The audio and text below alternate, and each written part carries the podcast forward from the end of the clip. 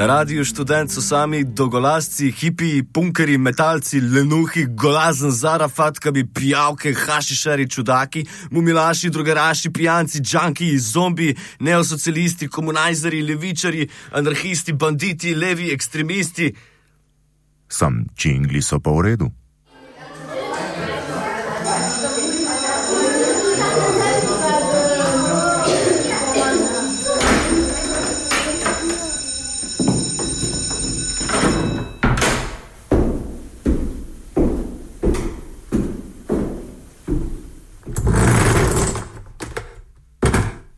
Gostujočimi komentatorji in komentatorkami vsak ponedeljek ob treh sprevračamo katedro Radia Student. Premislimo izobraževanje pod katedrom.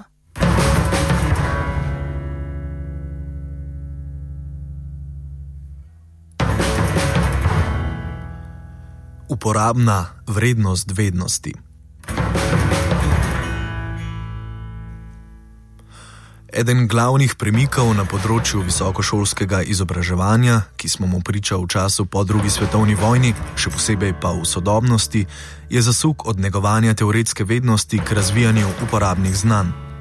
Dejansko tak premik ni zgolj kakšna posamična premestitev poudarka, temveč zadeva samo bistvo tega, kar naj bi univerza bila.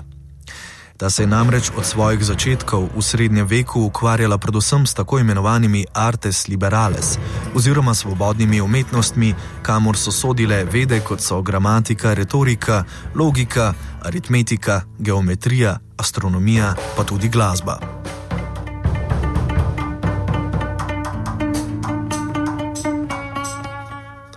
Te umetnosti so bile svobodne zato, ker so se z njimi v antiki lahko ukvarjali svobodni ljudje, pa tudi zato, ker so bile smotr na sebi, ker niso bile, kot bi morda rekel Aristotel, zgolj sredstvo za dosego nečesa drugega.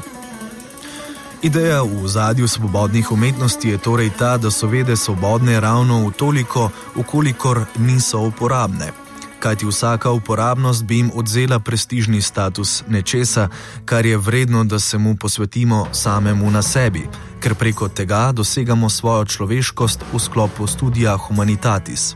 Če je torej uporabnost bolj sodila na področje vajništva ali tega, kar bi danes ne mara imenovali poklicno izobraževanje, pa je bila že po svoji ideji nezdružljiva z vednostjo, ki naj bi jo gojili na univerzi.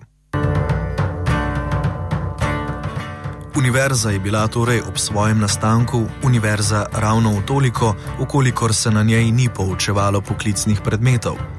V resnici, v skladu s prvotno intuicijo antičnega človeka, niti šola kot dejavnost v prostem času, odkuder izvira njeno ime, ni bila mišljena kot čas, v katerem bi se poklicno mojstrili. Nasprotno, scholeje je rezervirana za posvečanje samemu sebi in višjim smotrom. Če imamo torej v mislih ti dve dejstvi, na eni strani izvorno pojmovanje univerze in na drugi sodoben premik poudarka na uporabno vednost v visokošolskem izobraževanju, hitro ugotovimo, da sta nezdružljivi.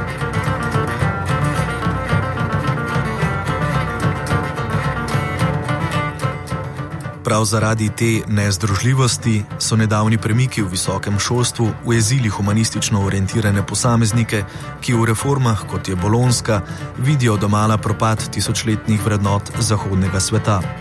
Ob skliku Biznis na univerze, ki ga je v predvolilnih soočenjih za evropske poslance izrekel eden od kandidatov, ki danes nažalost že sedi v Evropskem parlamentu, ti ljudje zato zastrižejo z ušesi. Kaj takega namreč pomeni nič manj kot smrt starega humanističnega ideala vednosti. Če je namreč biznis na univerzi sploh dovoljen, je lahko izjemoma morda prisoten kot častni sponzor, ne pa kot investicija, ki si obeta donos od univerzitetnega proizvoda.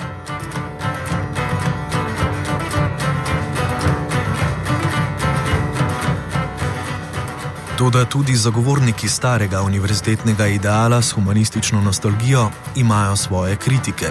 Ti ne prihajajo zgolj iz vrst bolj poslovno usmerjenih, včasih domala vulgarnih glav. Taki ljudje se v resnici sploh kaj dosti ne zmenijo za to, kar imajo povedati humanisti. Kapital, s tem pa tudi oblast, sta na njihovi strani. Čemu bi potrebovali še avtorizacijo strani kakšnih profesorjev klasičnih jezikov? Komu mar? Kritika humanistične vizije univerze kot zastarele, morda metafizične ideje, leti na nostalgične humaniste tudi strani kolegov filozofov.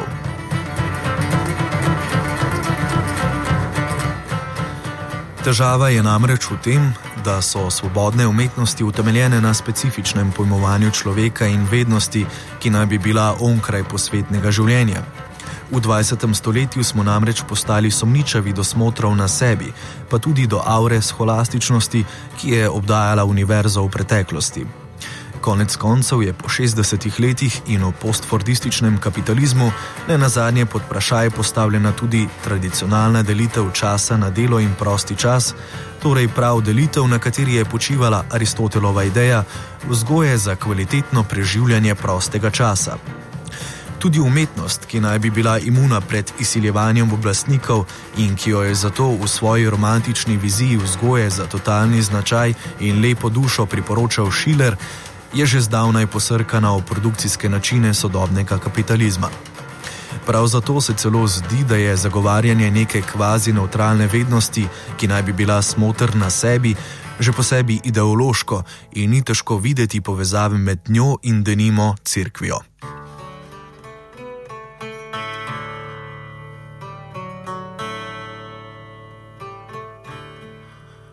Problem humanističnega zagovora, tradicionalne oblike univerze in njegova neposredna kritika današnje aplikativne univerze tako ni zgolj v tem, da ga tisti, ki držijo v rokah škarja in platno visokošolskega prostora, nočejo slišati, temveč predvsem v tem, da je sam sporen, domala reakcionaren. Dejansko je dogajanje znotraj visokega šolstva v smislu uvajanja uporabnega znanja prišlo že tako daleč, da je humanistična kritika že precej anahronistična in na problematiko z večine naslovljena od zunaj, skoraj da mimo aktualnega dogajanja.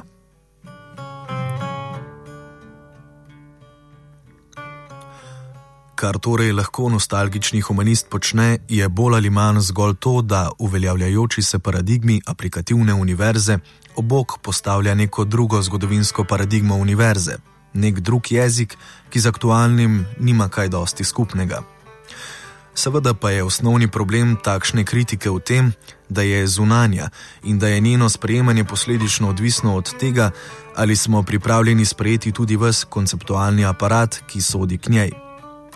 Toda tega, kot smo že omenjali, ni pripravljena v celoti sprejeti niti akademija sama, kaj šele bolj poslovno orientirane glave.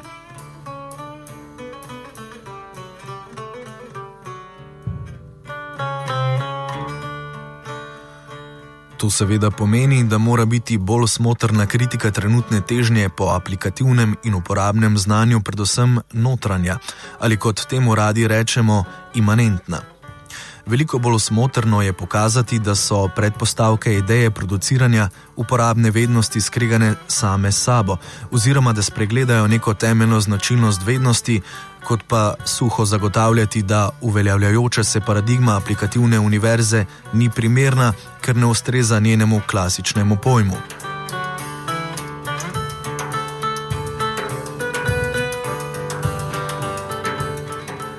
Dejansko je to, kar želim povedati o problemu uporabne vrednosti vednosti, precej preprosto dejstvo. Gre za idejo, da enostavno niti za srednjeročne obdobje ni moč naprej predvideti, katera od teorij se bo izkazala za uporabno na nekem področju. Danes pač ni moč vedeti, kaj od tega, kar raziskujemo, nam bo koristilo čez 100, čez 50 ali celo 20 let. Preprosto ne vemo, na kakšne probleme bomo naleteli v prihodnosti. To pa seveda zato, ker se problemi razvijajo sproti s teorijami in so v nekem specifičnem smislu od njih odvisni. Marsikaj, kar smo intenzivno razvijali v preteklosti, je postalo popolnoma neoporabno, ko se je pojavilo kakšno novo odkritje, ki pa ga ni bilo moč enostavno naslutiti vnaprej.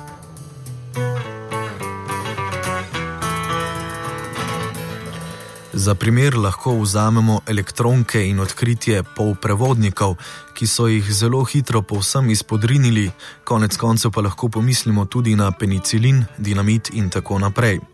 Ravno iz tega razloga se zdi še najbolj smotrno, če preprosto negujemo čim širši razpon teorij in eksperimentiramo čim širše, kajti s tem povečamo možnosti smotrnih odkritij. Nasprotno se načrtna zožitev raziskovanja, ki odiktira to, kar se komu v tem trenutku zdi koristno, na daljši rok pravzaprav zdi povsem nekoristna in zastarela.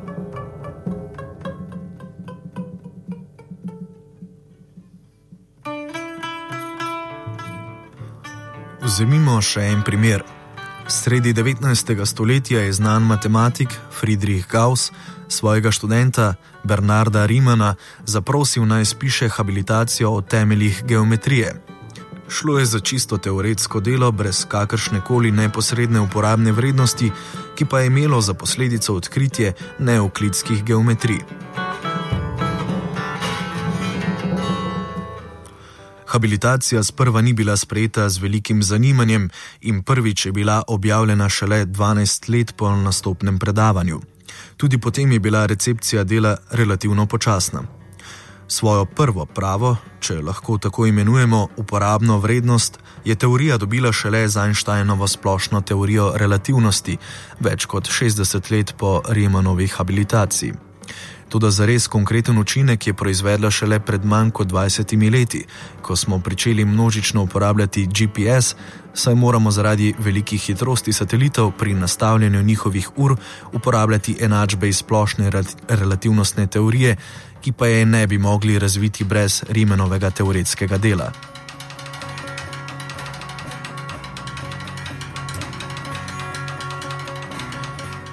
Seveda se nihče od nas tega neposredno ne zaveda.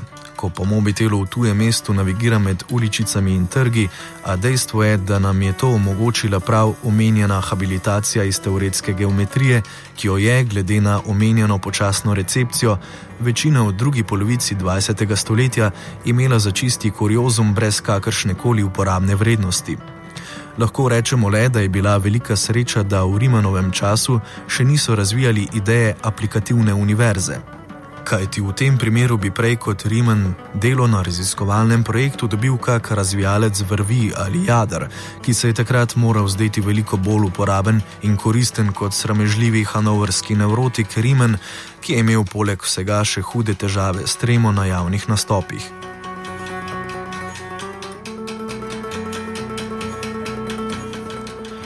Osnovni problem ideje, ki stoji za aplikativno univerzo, tako ni v tem, da ta ni v skladu s človekovo naravo ali v tem, da je morda vulgarna, temveč v tem, da je v nasprotju sama s sabo in s tem, kar želi doseči. Namreč uporabno in koristno znanje. Njena osnovna težava je v predpostavki, da lahko vnaprej jasno določimo, kaj je koristno in uporabno znanje. Ta predpostavka je seveda zelo škodljiva, kajti znanje, ki se danes zdi domnevno koristno in uporabno, je morda na dolgi rok povsem nekoristno in neuporabno, celo odvečno. In to še prav posebej v družbi hiperprodukcije. Zato financiranje koristnih znanj in vlaganje v uporabno vednost ter aplikativno univerzo s tem, ko odžira sredstva čisto teoretskim raziskavam, dejansko oži naše sposobnosti soočanja s problemi prihodnosti.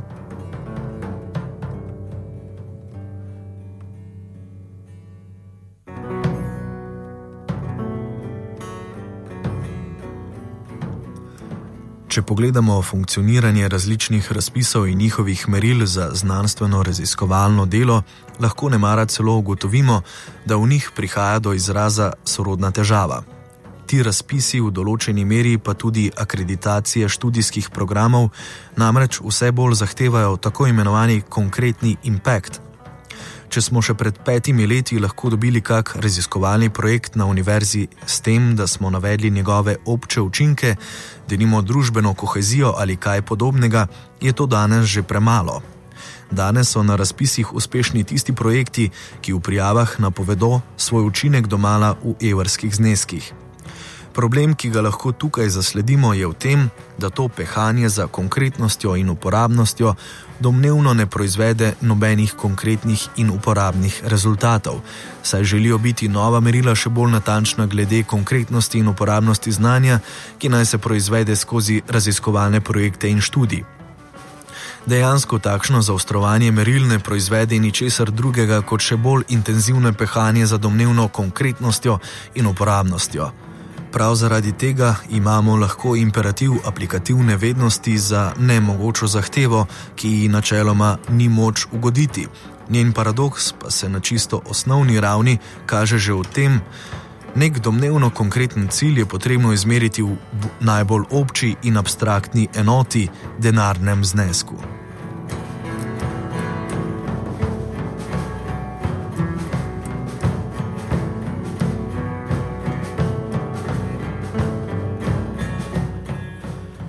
Nemogočo zahtevo po neposrednji uporabni vrednosti znanja lahko imamo torej zagojenje neke iluzije, ki bi jo morda lahko primerjali z idejo, da se je moč prebiti do stvari na sebi, do čisto utipljive poslednje objektivne uporabnosti. Namesto da bi uvideli, da je zahteva po neposrednji uporabni vrednosti znanja nemogoče zahteva, torej taka, ki zmeraj uhaja sama sebi, jo skušamo še natančneje določiti, še bolj specificirati, še konkretneje lucirati.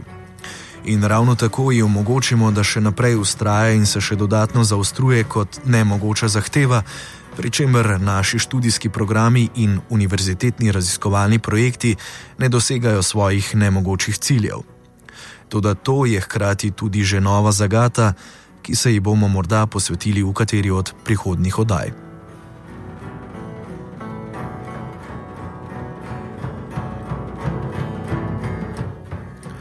Spisal Tomaž Grušovnik.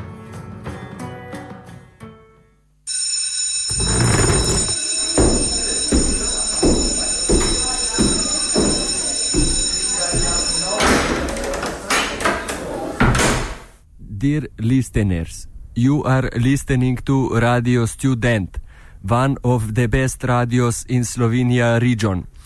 We are offering you a lot of uh, good music and a lot of uh, new news. Thank you very much for listening us.